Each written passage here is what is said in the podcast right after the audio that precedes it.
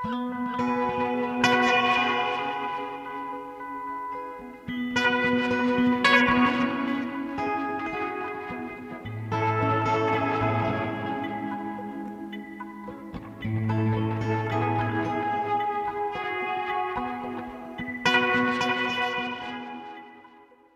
og sæl ágættu hlustendur, Jóhannes Ólafsson og Halla Hardardóttir heils ekkur úr hljóðstofu Vísjár miðugudaginn 14. júni. Í þætti dagsins landslag í Silki, Cormac McCarthy Allur og Barbara Hannigan. Bandaríski réttöfundurinn Cormac McCarthy er allur, tilkynnt var um andlát hans í gær Hann var 89 ára og á að baki afskaplega farsælan feril sem skáldsagna höfundur, eitt þekktasti samtíma höfundur bandaríkina. Meðal þekktustu verka hans eru Blood Meridian, The Road og hinn svo kallaði landamæra þríleikur All the Pretty Horses, The Crossing og Cities of the Plain. Hann var al-amerískur bókmentarisi líkt við Faulkner og Hemingway og það þarf að takast á um þá. Risana þar að segja eins og Einar Kári Jóhansson bókmyndafræðingur og útgefandi saði mér en við spjöldluðum um höfundin fyrir í dag. Við fjöldlum um Cormac McCarthy í lókþáttar. Við heyrum líka östnögt í kanadíska hljómsveitastjórunum og söngkoninni Barbaru Hannigan sem kemur fram á lokatónleikum Sinfoni hljómsveitar Íslands annað kvöld. Tónleikarnir verða síðan endur teknir í hofi á Akureyri á föstudagskvöld en tónleikarnir í hörpu verða líka hljóðritaðir og sendir út hér á rás 1 þann 22. júni. Við heyrum hvað Hannigan hefur að segja um fjórðu sinfoníu Males sem er aðalverk tónleikana og þar sem hún bæði stjórnar hljómsutinni og syngur með henni. Myndlistakonan Hildur Áskerstóttir Jónsson sem sínir um þessar myndir í Hafnarborg hefur búið meiri hlutaæfi sinnar í Cleveland í Ohio þar sem hún vinnur að listsköpun sinni en heldur sterti rætur sínar hér á Íslandi. Já, Hildur kemur reglulega hinga til lands og tekur þá ljósmyndir sem hún vinnur síðan úr þegar heim er komið. Hún málar með sérstakri vefnaðar aðferð sem hún skapaði sjálf upp úr textílhefðum sem eiga sér langa sögu og rætur í öðrum menningarheimum. Helsta viðfangsefni Hildar er náttúra Íslands og svo sérstaka Birta sem hér er að finna. Hún tengir viðfangsefni sitt þó ekki endilega við ræturnar eða þjóðverðnið, heldur vil hún miðla þeirri tilfinningu að vera manneskja í víðáttu mikilli verald. Ég heiti Hildi í Hafnarborg og Aldísi Arnardóttur síningastjóra og byrja á því að spyrja Aldísi hvernig síningin sem kallast á hafi kyrðarinnar hafi komið til.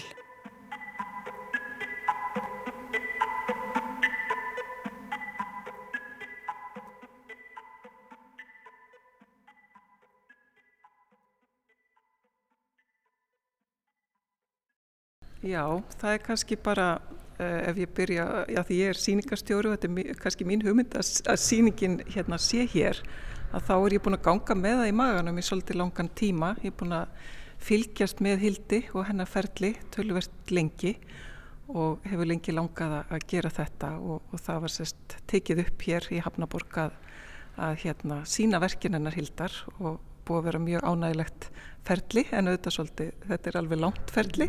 Það er svona tvö ár síðan að við vorum byrjuðum að tala saman og, og hérna ákveða tíma og undirbúa. Mm -hmm. Þú ert búin að fylgjast með ferli Hildar lengi, segði mér af hverju langa að fá hann á nót Íslands? Um, Ég held að sé bara áhugavert fyrir fólk að sjá líka uh, hvernig hún vinnur og hvernig það bæði eiginlega aðferðin og viðfóngsefnið sem að heitla mig.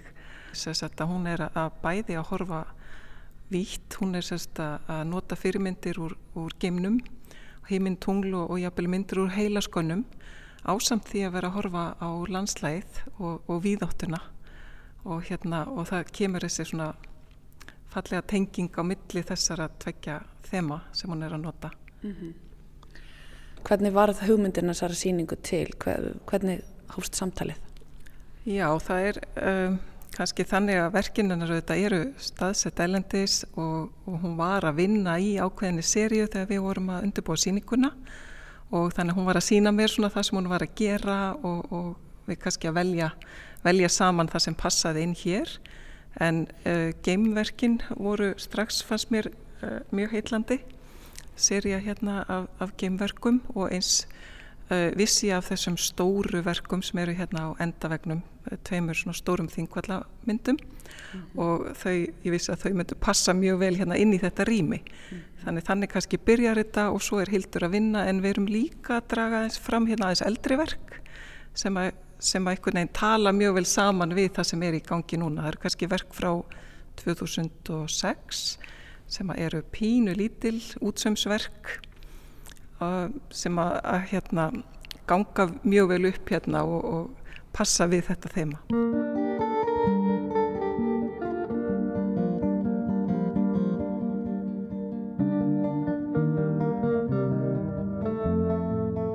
Hildur, þú ert hér með útsömsverk, vassletaverk og svo þessi stórgóðslegu verk hérna sem við stöndum bara akkurat núna fyrir framann, þessi stóru þingvallaverk sem eru ofin í silki. Segð okkur aðeins frá þessari aðferð, hvernig þú vinnur þetta? Já, ég, hérna, ég mála á silki þræði og vef þá síðan saman. Þetta er svona í einni setningu er þetta. Það er örgulega hundrað hérna, lítil hérna, smáadrið í kringum þetta en svona, þetta er svona í stuttumáli þá er það þræðinir eru málaðir og svo opnir saman. En verkið byrjar miklu miklu fyrr. Ef við byrjum bara þar vegna þess að ég veit að þú tekur ljósmyndir þú þegar þú ert hér á sumrin. Yeah. Segð mér bara hvernig ferlið er frá því að hugmyndin kviknar eins og þetta hérna, við stöndum hérna fyrir framann þingvallavatn og þetta er verk sem eru nokkur metrar á lengt og hæð, yeah. vegteppi, einskonar. Yeah. Hvar byrjaði þetta verk? Þetta byrjaði bara með ferð á, á þingvelli, við, við förum mjög oft hongað, er bara auðvelt og eða þú veist það er svo stutt í það.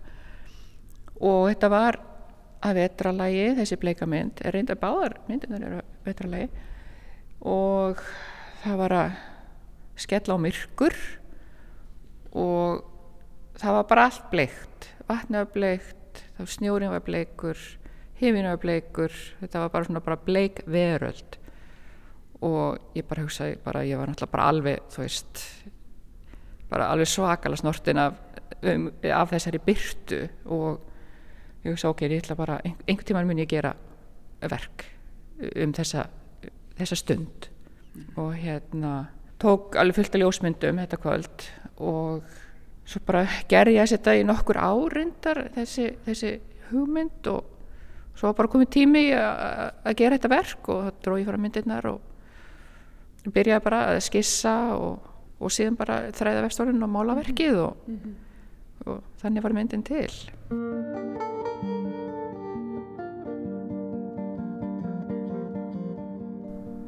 og myndin er þú veist lagð undir hérna þræðina og svo þegar þræðin er blotna þá sé ég gegn þannig ég hef svona, svona útlínur á verkinu mm -hmm. Einmitt, útlíðinar er ekki mjög svona skýrar, þetta er svona, það er svona halger, þetta er svona daldið úr fókus og svona í móðu. Já, það er náttúrulega aðferðin sem ég nota, hún, hún gefur þessa svona, svona þessa móðu og það er eiginlega þess að ég nota þessa aðferða því að þú veist, ég vil fá þetta fram, þetta svona, svona svolítið svona eins og þoka eða svona óljóst, svona hvað er bakvið, þannig að mm. það er svona Svo virðist það vera í mitt, ef maður horfir hérna yfir myndirnar, það eru fleiri landslagsmyndir sem eru ekki apstórar en í þessum, með þessu svipaða andrumslofti Já. og það virðist vera eins og það sé svona tilviljuna kent eitthvað í gangi líka, þá koma stundum svona línur og hvernig er það? Er, lætur ferli líka stýra því sem að kemur eða? Já, ég, ég ger það, mér finnst það bara svona skemmtilegt að þú veist, það er ekki allt, þú veist, ég veit ekki nákvæmlega hvernig það kemur út þegar ég byrja en svona ég hef náttúrulega nokkuð góða hugmynd. En það, það er skemmtilega við að er þegar, veist, þegar eitthvað kemur mér óvart og mm. oftast finnst mér það að vera jákvægt einstakar sinnum mm -hmm. er það ekki. Og þá, þá náttúrulega fer bara verki í, í bara kemslu eða í, skuffu En þú ert býrsarsagt í Klífland í Bandaríkjónum uh, allan veturinn en eðir sumrunum hér. Er þetta er þetta saknuður í þessum verkum eða er þetta um, halda í ræturnar eða mm. þessi íslenska náttúra sem heldur áfram í, í myndunum hvað er þetta? Já, ég myndi kannski ekki beint segja söknuður, ég er nú svo mikið hér á Íslandi, ég, ég er líka hérna öll jól, ég er búin að vera hérna þú veist, einn mánuð á jólunum í síðisleginn 25 ár og svo er ég líka hérna sundum í mars og, og svo náttúrulega þrjá mánuð á sumurinn ég held ég sé bara svona að reyna að minnast svona byrtunar, þú veist, það er svona þú veist, byrtan hér á Íslandi er alveg sérstök og hún einhvern veginn, já, hún bara lifir í mér, þú veist, og þegar ég er úti að þá þá mann ég eftir byrtunni hér. Kanski að endurskapa þá upplifun. Já, akkurat. Það, já, það, mér finnst það svo það er svona það sem að svona, svona kveikir í mig sem listamanni er, er að, veist að koma þessum tilfinningum í mynd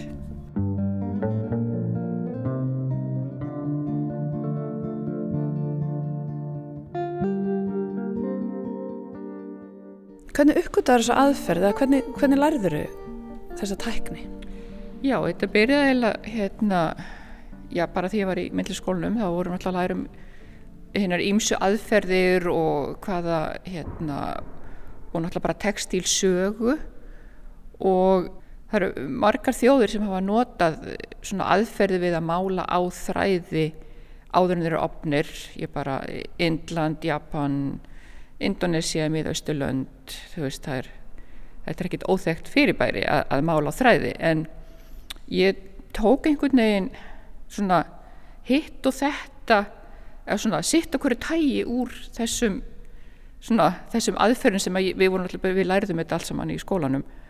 Og bjó eiginlega til, mín, til mína eigin aðferð. Það, þú veist, ég hef ekki séð neitt nota þess aðferð áður. Ég, þetta er bara svona það bara þróaðist smám saman. Mm -hmm. Orðið fyrir innblæstri bara hérðan og þaðan úr heiminum og gert svona þína eigin aðferð upp úr því Já, það má segja það. Þetta, sé, já, þetta er alveg mín já, ég er alveg búin að segja það, þetta er mín aðferð. Það er, það er ég hef hver ekki séð þess aðferð áður. Þannig.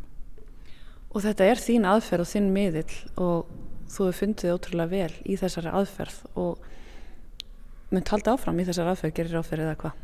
Já, ég held að ég byrja á þessu, fyrsta myndin var gerð bara, bara því ég var í bachelornámi í, í hérna 1990, já 1990, þannig að það er komið það hvað, 33 ár síðan ég gerði fyrstu myndina og þessu sama gatni, sama gatt, sama aðferð sem er litir, eða þú veist, þetta er allt, einhvern veginn þegar maður er búin að e, svona finna sitt og sína aðferð og veit nákvæmlega hvað maður getur búist við þá getur maður farið þú veist og er rosalega frjáls í, í listsköpun þú veist það er þá er ekki þú veist aðferðin svona e, fyrirmanni er, má segja.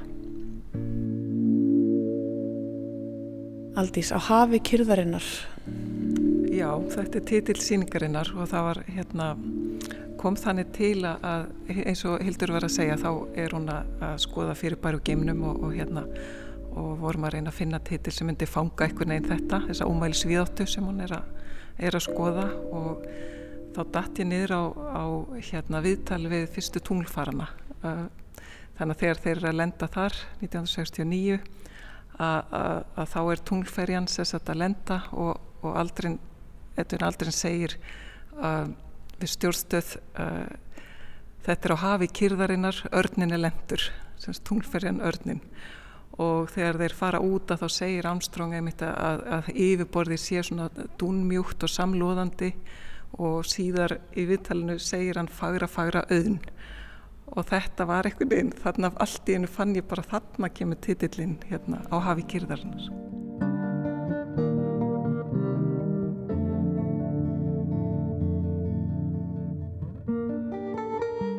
Mér langaði að spyrja það út í hérna tengingannar á milli, hér er það landslægið íslenska, Já. svo er það geimurinn og heilaskan. Já, sko heilaskunin það var, ég hef náttúrulega ekkert unni í því síðan bara 91-2 þannig að það er eiginlega, já, eiginlega bara svona lokuð bók e, í raun og veru. Ég hef, ég, þú veist, ég eiginlega, ég tók svona 2-3 ár og gerði sériu, svo hætti ég því bara en en ég notaði sem aðferð í, það var svona eh, fyrsta sinn sem ég notaði þessa aðferð að mála á þræðina. Mm -hmm. svo hef ég unni með já, einmitt svona heiminn geiminn og, og það, ég byrjaði á því alveg bara fyrir já, tæpum 30 árum. Þannig það hefur bara verið svona þema í minni þú veist, myndgerð síðan bara eiginlega, já, bara eiginlega byrj, í byrjun.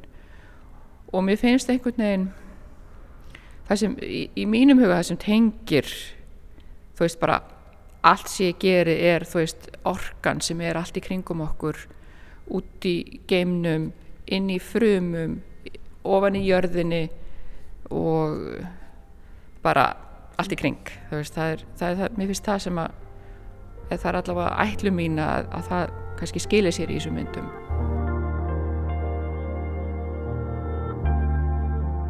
Þetta eru bara náttúrulega, þú veist, alltaf gamlar pælingar fólks, ég meina bara frá byrjun þá er náttúrulega bara, þú veist, hvað er þarna og hvað er, til hvers eru við og hvað eru við að gera hérna og bara hvernig var það allt til og spurningar sem að, þú veist, eru bara ekki, ég meina, alls ekki nýjar, ég meina, en bara halda alltaf áfram, mm. þannig að það, ég held að það sé náttúrulega bara þemað í, í bara hjá mörgum í, í bæði myndlist og bara og bara í list heiminum það er bara svona eðli mannsins að, að spá í þetta alls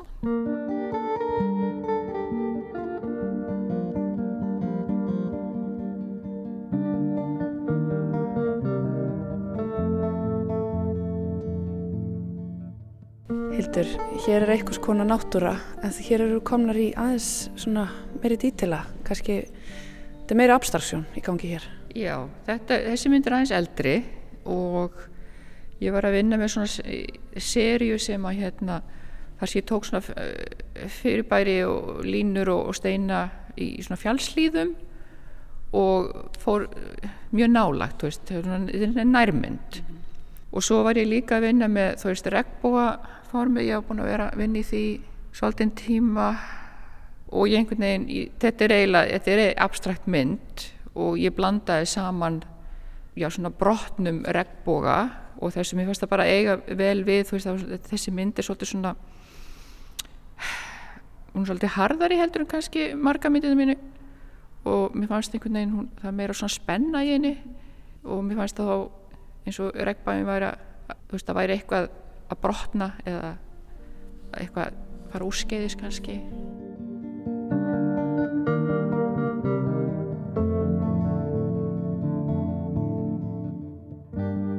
Hildur, þú ert búin að búa lengi úti. Hvernig upplifa áhörfundur úti þessi verk? Já, mér finnst það, ég alveg fengið mjög jákvæð við brauð og mér finnst, að, þú veist, að sömuleiti, þú veist, Íslandingar hafa kannski aðeins, þeir eru einu skrefi nær mér, af því að þeir kannski þekkja mynd, þú veist, þekkja landslæðið og þekkja byrtuna og, og sjá kennileiti sem þau, þau veist, það, það er svona augljóst. Útlendingar hins vegar, ég meina þeir, þeir verist alveg finna þetta líka, þú veist, þeir, mér finnst þetta, þú veist, þannilega bara svona mannlegt, þetta er ekkit, ekkit kannski bundið við einhverja, við þjóðerni beint, finnst mér myndirna mínar, þó, þó þetta sé, þú veist, íslensk náttúra og íslensk byrta, að þá finnst mér, eða það er allavega það sem ég vona komið til skila er bara þessi tilfinning að vera bara manneskja í þessu stóri veröld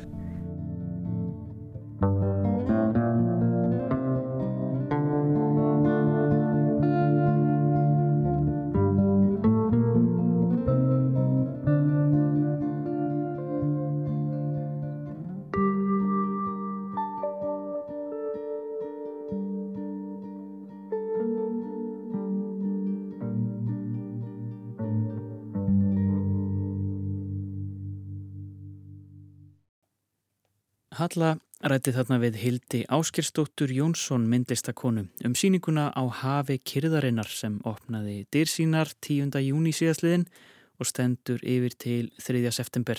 Einni var rætt við Aldísi Arnardóttur, síningastjóra og í einslæginu hljómaði tónlist eftir skúla Sverrisson. En þá snúum við okkur að kanadíska hljómsveitastjóranum og söngkonunni Barburu Hannigan sem stjórnar Sinfoni hljómsveit Íslands á 5. dags og 1. dagskvöld, fyrst í hörpu og síðan í hofi. Efnisgráin samastendur af þremur verkum, kraftaverka sinfoníunni svokölluðu eftir hæten, fjörðu sinfoníu Maler sem stundum er kölluð himnasælu sinfonían og loksverður heims frumflutt nýtt verk á tónleikunum eftir íranska tónskáldið Golfram Kajam sem heitir I am not a tale to be told. Guðni Tómusson hitti Barburu Hannigan og tók við hana ítarlegt viðtal sem mun fylgja fluttningi tónleikana hér á rás 1. 22. júni næstkomandi. Heyrum brotur þessu spjalli þeirra. Hér er Hannigan að segja Guðna frá því þegar hún kom fyrst að fjörðu sinfoníu Malers á sínum tíma.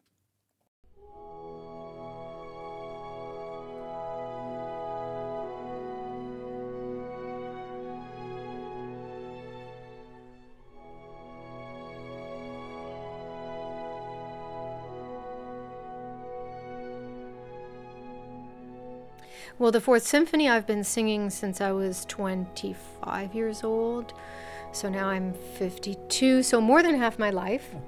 Um, and it's actually a deceptively difficult um, piece to handle because the, the fourth movement, um, Mahler says it should explain the whole symphony. And I certainly didn't feel like that when I was 25. I was just nervous, you know. um, I would say since I became a conductor, the times that I, let's say, just sang it, after I started conducting, I started to understand the piece more. And then during the pandemic, um, I, I did a very deep study of the symphony and all of his music leading up to it, from a musical point of view, from a, um, a philosophical point of view, from a religious point of view, and also socio-political point of view um, with three other young compo- uh, conductors that I had as my assistants at that time. Mm. So we did a very deep study uh, as a kind of pandemic project of the symphony as I was preparing to do it as a sing conduct. Ég hef verið að syngja sóprankablan í lok fjörðu symfóníu Gustaf Smalers síðan ég var 25 ára. Þannig að það er orðið meira en helmingu lífsmýns, segir hinn 52 ára gamla kanadíska sópransöngkona og hljómsveitastjóri Barbara Hannigan. Fjörðikablin þar sem söngkonan syngur með sveitinni leinir á sér, segir hún, hann er mun erfiðari en fólk kann að halda í fyrstu. Það fannst mér bara ég alls ekki verið að skilja þegar ég var 25 ára. Ég var bara mjög stressuð, segir Hannigan og hlær. Síðan þegar ég hef sungið verkið, bara sungiða, ef svo má segja, það er ekkit grín, þá hef ég alltaf farið að skilja þessa symfóníu betur og betur. Í COVID-faraldrinum fór ég síðan í eins konar djúb köfun á verkinu með þremur hljómsveitastjórum sem að unnu með mér þá sem aðstóðarmenn. Við skoðum alla tónlist Malers fram að þessu verki sem samið var á árunum 1899 og 1900. Við veltum fyrir okkur tónlistinni, samtíma verksins, heimsbyggilegum bakgrunni þess og trúalegum og félagspolítískum jarvegi sem það spratt upp úr. Þessi rannsókn var mér mikilvægi aðdraðanda þess að takast á við verkið sem syngjandi hljómsveitastjóri.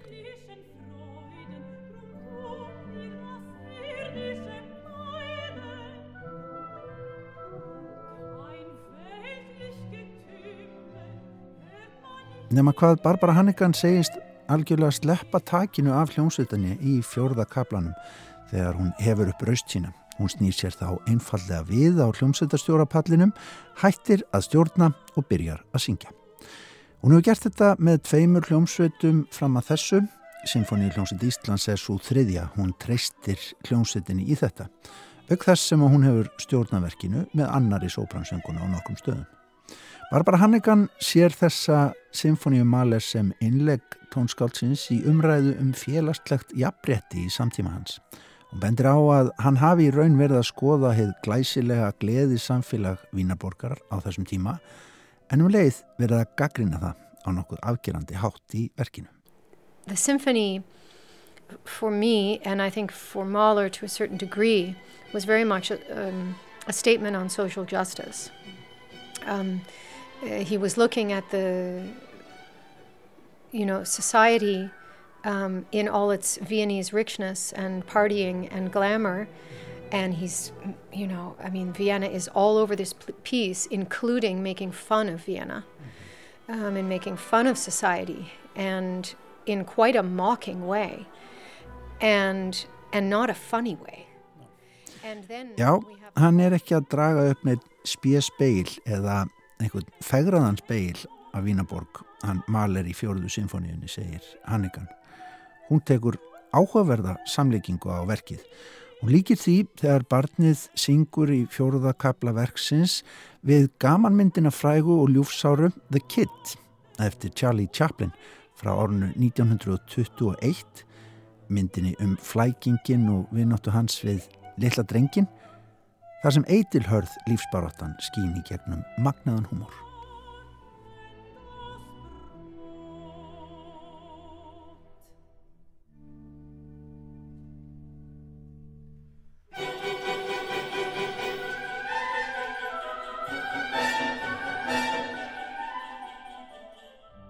You know, you could imagine that Charlie Chaplin film, The Kid, you know, where Chaplin has this little boy with him and they're just, they're basically just trying to get something to eat, you know. And so I imagine um, a child outside an extraordinary Viennese cafe where a party is happening and everyone is in their dresses and drinking and eating, and this kid just wants some food, you know. And sometimes people pay attention to him, and other times they simply don't. They get caught up in their own lives and they forget about him.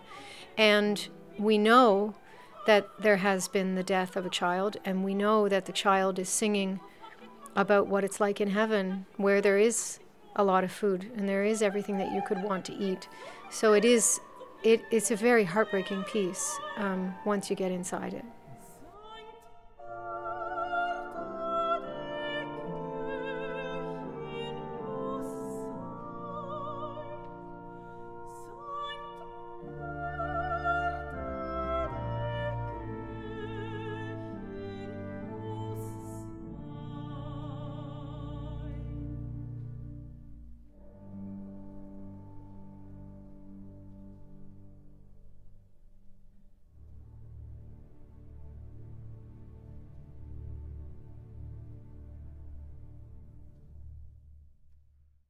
Nokkri tónar úr himnasælu sinfoníu Malers, fjóruðu sinfoníunni sem verður meðalverka á tvennum tónleikum sinfoníu Hljómsveitar Íslands, annað kvöld í Hörpu og í Hofi á förstudagskvöld. Þar verður Barbara Hannegan allt í öllu stjórnar og syngur og hlustendur rásar eitt fá að njóta hljóðritunar sem gerðverður í Hörpu og send út 22. júni. Og við ætlum að halda okkur vestanhafs eins og við höfum verið svo litið í vísjá í dag. Við ætlum að huga að bandarískum bókmentum.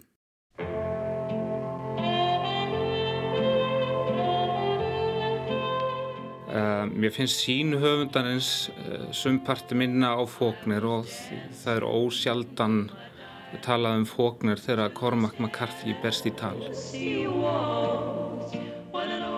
Þessi móralski höfundur, hann er umfjöldnar efnið hans er í rauninni alltaf uh, hvernig umgungust við okkur sjálf og náðungan og það, það er alltaf jafn interessant umfyllnarefni í rauninni, hvað sem bakgrunnurinn er.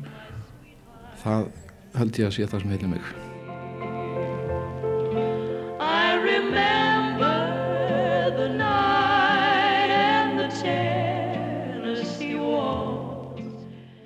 Bandaríski rítöfundurinn Cormac McCarthy er allur tilkynnt var um andlátt hans í gær. McCarthy var 89 ára og hann á að baki afskaplega farsælan feril sem skáldsagna höfundur, einn þekktasti samtíma höfundur bandaríkjana. Hann fættist í Providence, Rhode Island árið 1933 en ólstað miklu leiti upp í Tennessee. Hann gaf út sína fyrstu skáldsögu liðlega þrítugur, það var The Orchard Keeper árið 1965 Ferill hans fór fremur hægt af stað og fyrstu fimm bækur hans voru engin gegnum sláttur en hann náði svo rækilega aðtikli megin strömsins í upphafi tíunda áratörins. Og svo aftur skömmu eftir aldamótin 2000. Samtals liggja eftir Cormac McCarthy 12 skáltsugur, tvö leikrit, nokkur handrit og smásögur sem spanna allt frá vestrum yfir í heimslita sögur. Meðal þekktustu verka hans eru Blood Meridian frá 1985 og hins okkarlega landamæra þríleikur sem kom út á árunum 1992 til 1998 All the Pretty Horses, The Crossing og Cities of the Plain. Árið 2005 gaf McCarthy út bókina No Country for Old Men sem fekk blendnar viðtökur í fyrstu en hún var það kvikmynd eftir Coen bræður tveimur árun síðar og 2006 kom út skaldsagan The Road sem fekk mikla aðtegli og McCarthy fekk Pulitzer velun fyrir og hún var einnig gerðað kvikmynd. Það er ekki tími til þess að fara yfir feril Cormac McCarthy's í smáatriðum en það risa höfundur sem oft hefur verið líkt við hina al-amerísku ritthöfunda Herman Melville, William Faulkner og Ernest Hemingway.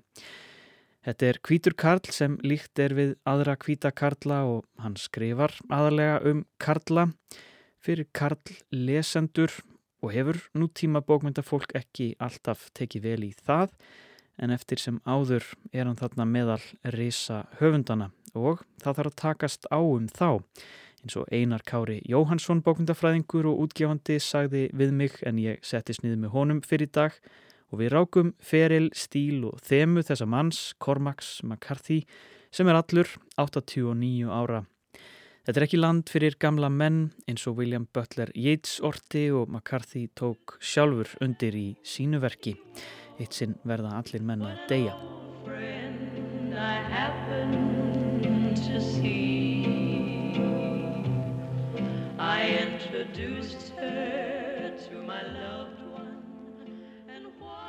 Þetta er eiginlega svona sá höfundur sem að hérna, fræðimenn og svona bandaríst bókmyndafólk var algjörlega sammála um að væri snillingur og hérna væri stóri novelisti svona síðustu áratuga. Svo að þetta er náttúrulega alveg rosa stórar fréttir að hann sé fallin frá en auðvitað Eh, hann átti mánuð í nýrætt held ég svo hérna, við þessum áttalega búast. En ég, fyrir mér var eiginlega svona það fyrsta sem ég hugsaði var bara mér þótti svo leitt að hann skildi fara í gröfina án þess að fá Nobelsvöldun sko. hans kynnslóð eiginlega fekk Nobelin með Bob Dylan og þá var einmitt svona neykslið að það skildi vera litið fram hjá honum og Don DeLillo og fleiri af hans kynnslóð sko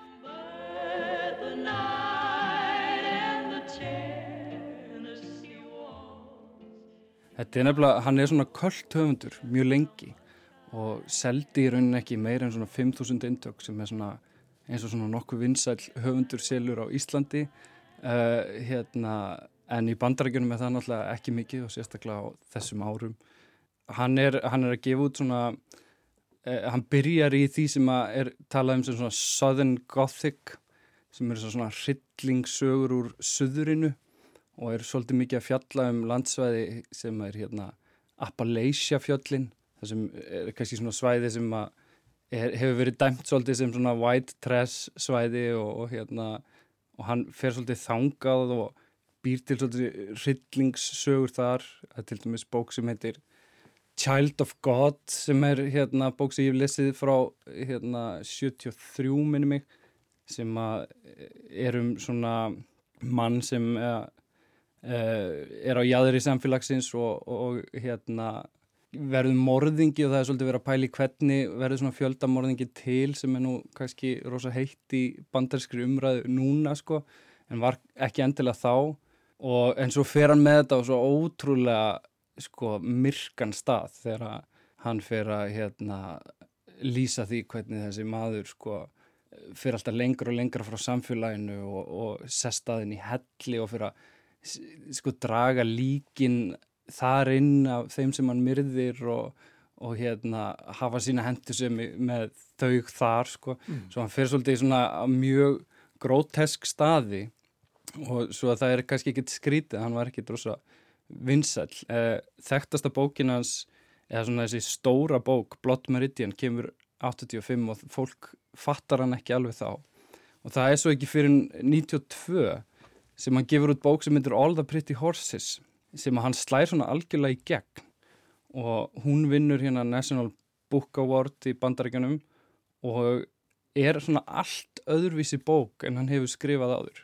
Og hún er svolítið svona romantísk, það er ástasaginni, það er svona mikið um hesta og það er farið aftur í fortíð þar sem að voru búgarðar með hérna nautahjörðum í Texas og þannig maður sem fyrir yfir hérna landamærin og er svolítið að yfirgefa þessa nútímavæðingu sem í Texas þar sem óljan er að taka yfir, yfir hérna kúabúinn sko og hérna fer á hestabúgarð í Mexiko og kynist það stelpu. En um leið er hann með hann stíl og einhvern veginn þetta auga hans hvernig hann lítur á, á hérna, mannkynnið er alltaf mjög áhugavert sko. mm. en það er svona þá sem hann slæri algjörlega í gegn og, og verður vinsæl höfundur sem að hérna er ekkit endilega svona algengt með þessa hábókmentalegu höfunda í bandarækjum mm. og hérna og þessi bók til dæmis eh, All the Pretty Horses það er gerð kvikmynd eftir henni með Matt Damon sem er mikil stjarn á þessum árum mm. og svona og hérna og þar er hann kannski samt á þessum stað sem hann vildi vera. Hann var svona höfundarnir sem hann leitt upp til voru Hemingway og, og Faulkner og, og kannski svona og Melville og fleiri. En Hemingway og Faulkner voru höfundar sem voru mjög bókmyndalegir en voru líka mjög vinsælir. Voru skrifa handrita kvikmyndum og bækuna þeirra voru kvikmyndaðar. Og hérna McCarthy er á sama stað Hann, þeir fengu Nobel-svölinn? Þeir fengu Nobel-svölinn, en ekki McCarthy. Ja,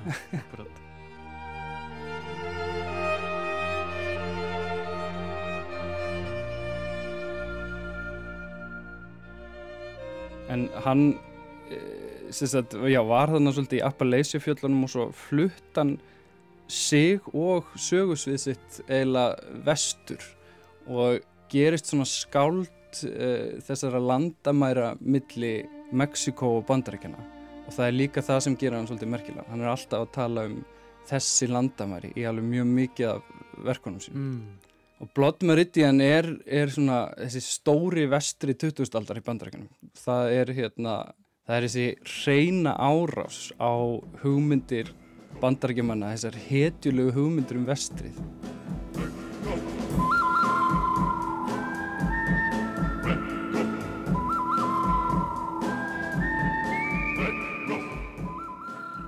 og í bókinans McCarthy þá fer hann sko aftur fyrir þrælastriðið og er að tala um tímabil svona rétt eftir eh, hérna stríði með Mexiko þegar bandaríkjumenn eru búin að ná miklu landsvæði af Mexiko og þessi bók er hérna er örgulega einn blóðugasta bók sem hefur verið skrifið í bandaríkjunum og sínir eiginlega ljótleika þessa tímabils. En það er engin saklus það er að segja frumbyggjarnir eða mexikananir eða Indiánarnir, þeir eru líka alveg ja, uh, hérna miklu morðhundar eins og, eins og þessi kvítu sko mm -hmm. og en þetta er sérst um, um strák sem er alltaf bara kallaður The Kid sem að hérna fyrir með svona gengi inn í, inn í Mexiko og þetta gengi er sérst að fá borga fyrir að veiða Apache Indiana og ég segi veiða vegna þess að þeir eiga sko skera af þeim eh, höfuðleðurir eins og var svona þekkt eh, eða sko við þekkjum það kannski úr einmitt kabóimyndum að Indianar gerir þetta við, við hérna, bandarækjumenn en, en þannig er þetta snúið á kvolv og hann byggir þetta á, á hérna, sögulegum heimildum. Og þannig eru bara rosalega lýsingar á ofbildi og, og hérna, blóðsúthellingum sem að ég held að sé valla hægt að finna samanburfið í heims bókmyndunum sko.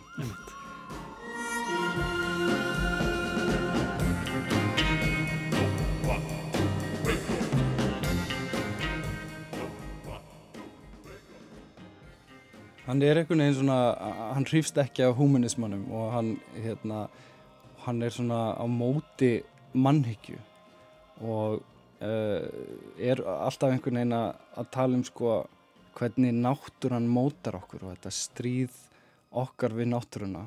Og í kannski einum af hans þekktari bókum The Road eða Vegurinn sem hefur komið út á íslensku uh, þá það er svona hérna heimsenda bók þar sem að eitthvað eitthvað stórkostlegt hefur gæst en það verist eins og náttúrann sé einhvern veginn að snúast gegn manninum. Og þarna í, uh, í miðjusögunar er, er hérna fadir og sonur sem að uh, arka í gegnum þennan heim sem er gjössalega hrunin og, og, og mannkinnið er búin að er bara að reyna að lifa af og, og gerir alltaf ljótasta sem þú dettur í en, en hérna en það, maður finnur að náttúrun hefur einhvern veginn snúið við. Mm -hmm.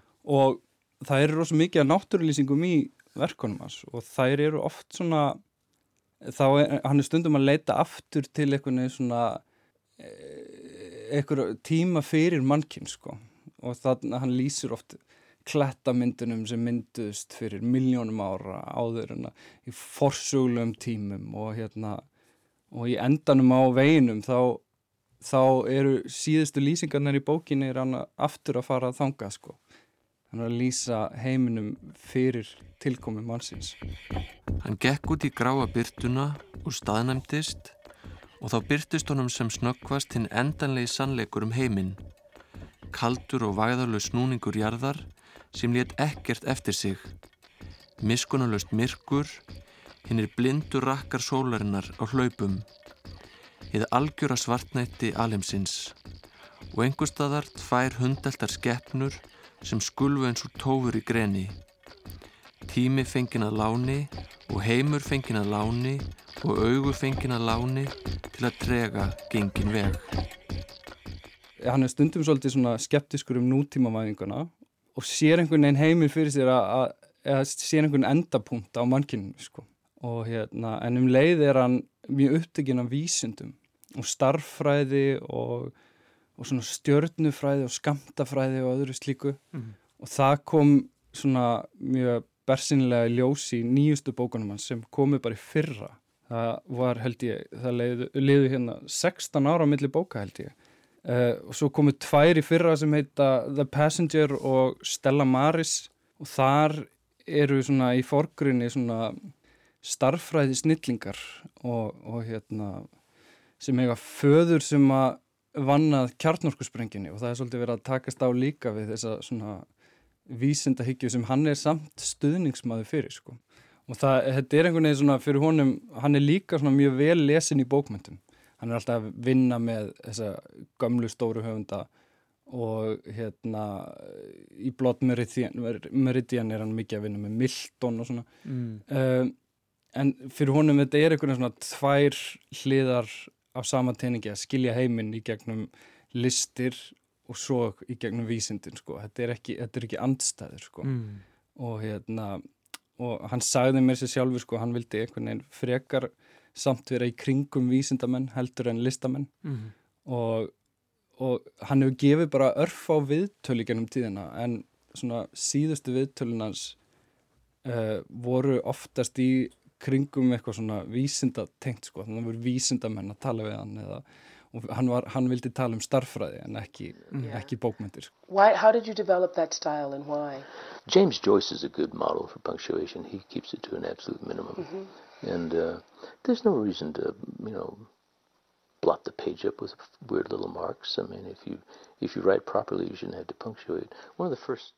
Uh, hann sko slær svona eiginlega aftur í gegn á 20. öldinni, eða 21. öldinni segi, þegar að hérna hann gefur út að rót sem fær Pulitzer-velunin mm -hmm. og hún verður sko Oprah's Book Club, Book of the Month, month eitthvað svona Eh, sem er náttúrulega rosa stórt fyrir bara í bandaríkjunum mm. og hérna þá var hann alveg nettur í viðtal og, og Oprah tók eða bara fyrsta sjónvarsviðtali við hann, ég held að það sé fyrsta og kannski eina sjónvarsviðtali við hann Já.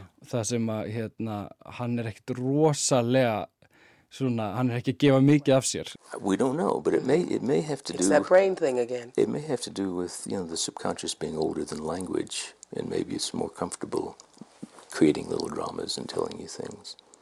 But it has to understand language. I love that thought. Yeah. I love the thought of that. The subconscious being older than language. I hadn't thought of it that way. Og þarna var hann kannski, þetta er svona hápuntur fræðar McCarthy er þarna í kringum þetta ópröf viðtal vegna þess að á svipuðum tíma kom út Cohen-myndin hérna No Country for Old Men sem var byggð á bók eftir hann með sama nafni og hérna svo kvikmynd er, er mjög sérstök fyrir uh, þær sakir að, að hún er bara alveg eins og, eins og bókin bara mm. senu fyrir senu lína, lína fyrir línu næstu því sko þeir bara hérna þeir, þessi kóumbræður hérna báru greinilega svo mikla virðingu fyrir þessum stóra höfundi að þeir uh, vildi ekki breyta neinu Nei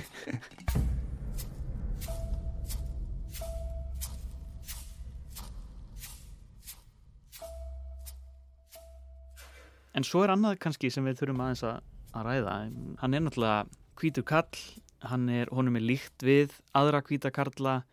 Í bókunum hann segiru, já, að nánast bara karlpersonur. Já, það er eiginlega bara karla sem koma fram í já. hans bókum. Og við erum tveir karlar hérna að tala um hann. Veist, þetta er, þetta er... Hann er mjög karlægur sko og hérna, og hann hefur verið svona gaggrindu fyrir það sem einhver hérna gaggrindu kallaði masculine prose. uh, en það er eins og hann vildi einhvern veginn bæta úr því með síðustu bókinu sinni sem er í rauninni einræða konu mm. sem er í fyrsta skipti sem að hérna, kona fær svona mikið burða hlutverk í bók eftir hann sko. uh, en, en jú vissulega hann er í rauninni alltaf að fjalla um karlmenn að takast á við náttúruna eða takast á við áðbeldið í kringum sig í samfélaginu eða í sjálfum sér. Og hérna hann fer ekki drosa nálægt personum sko. Uh, hann er, heldur sér í mikill fjarlægð frá þeim um leið. Þetta er svolítið svona mikla lýsingar sko því sem fólk gerir en ekki tilfinningum. Og svo hérna jú hann er vissilega mjög svona hann er svona karla karla höfundur sko.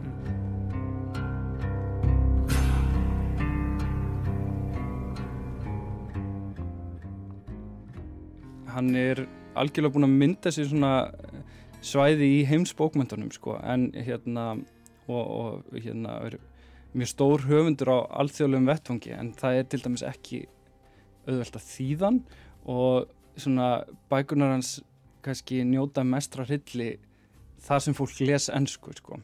Mm. en í innan bandarækjana er hann sko komin á einhvern svona mjög háanstall, það er bara heil yðnaður af bókmyndafræðingum sem að tala um hann og hittast á ráðstöfnum og, og svona.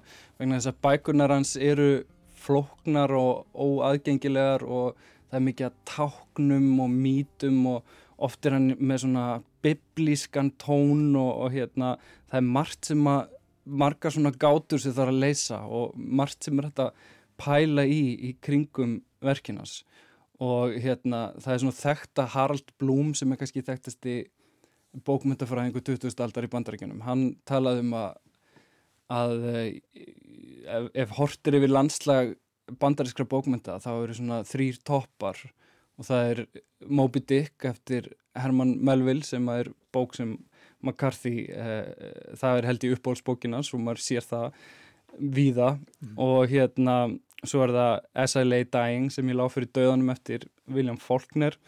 Og svo er það Blood Meridian eftir McCarthy. Svo þarna er þessi stóri bókmyndafræðingu búin að segja bara hér er eitt af okkur stóru verkum.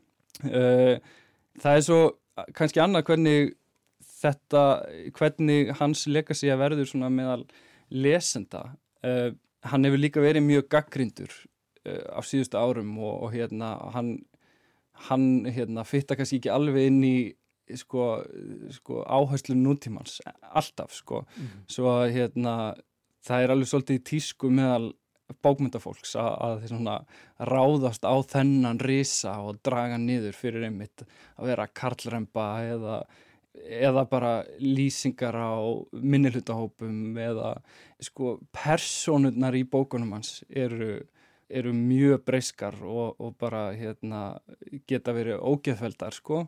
Eh, já, svo hann, ver, hann hefur verið svolítið svona gaggrindur og dæmtur á síðustu árum og hérna og ég held að það sé líka bara holdt sko. Er, það er þannig sem að reysarnir eru sko. Það þarf að takast á um þá sko.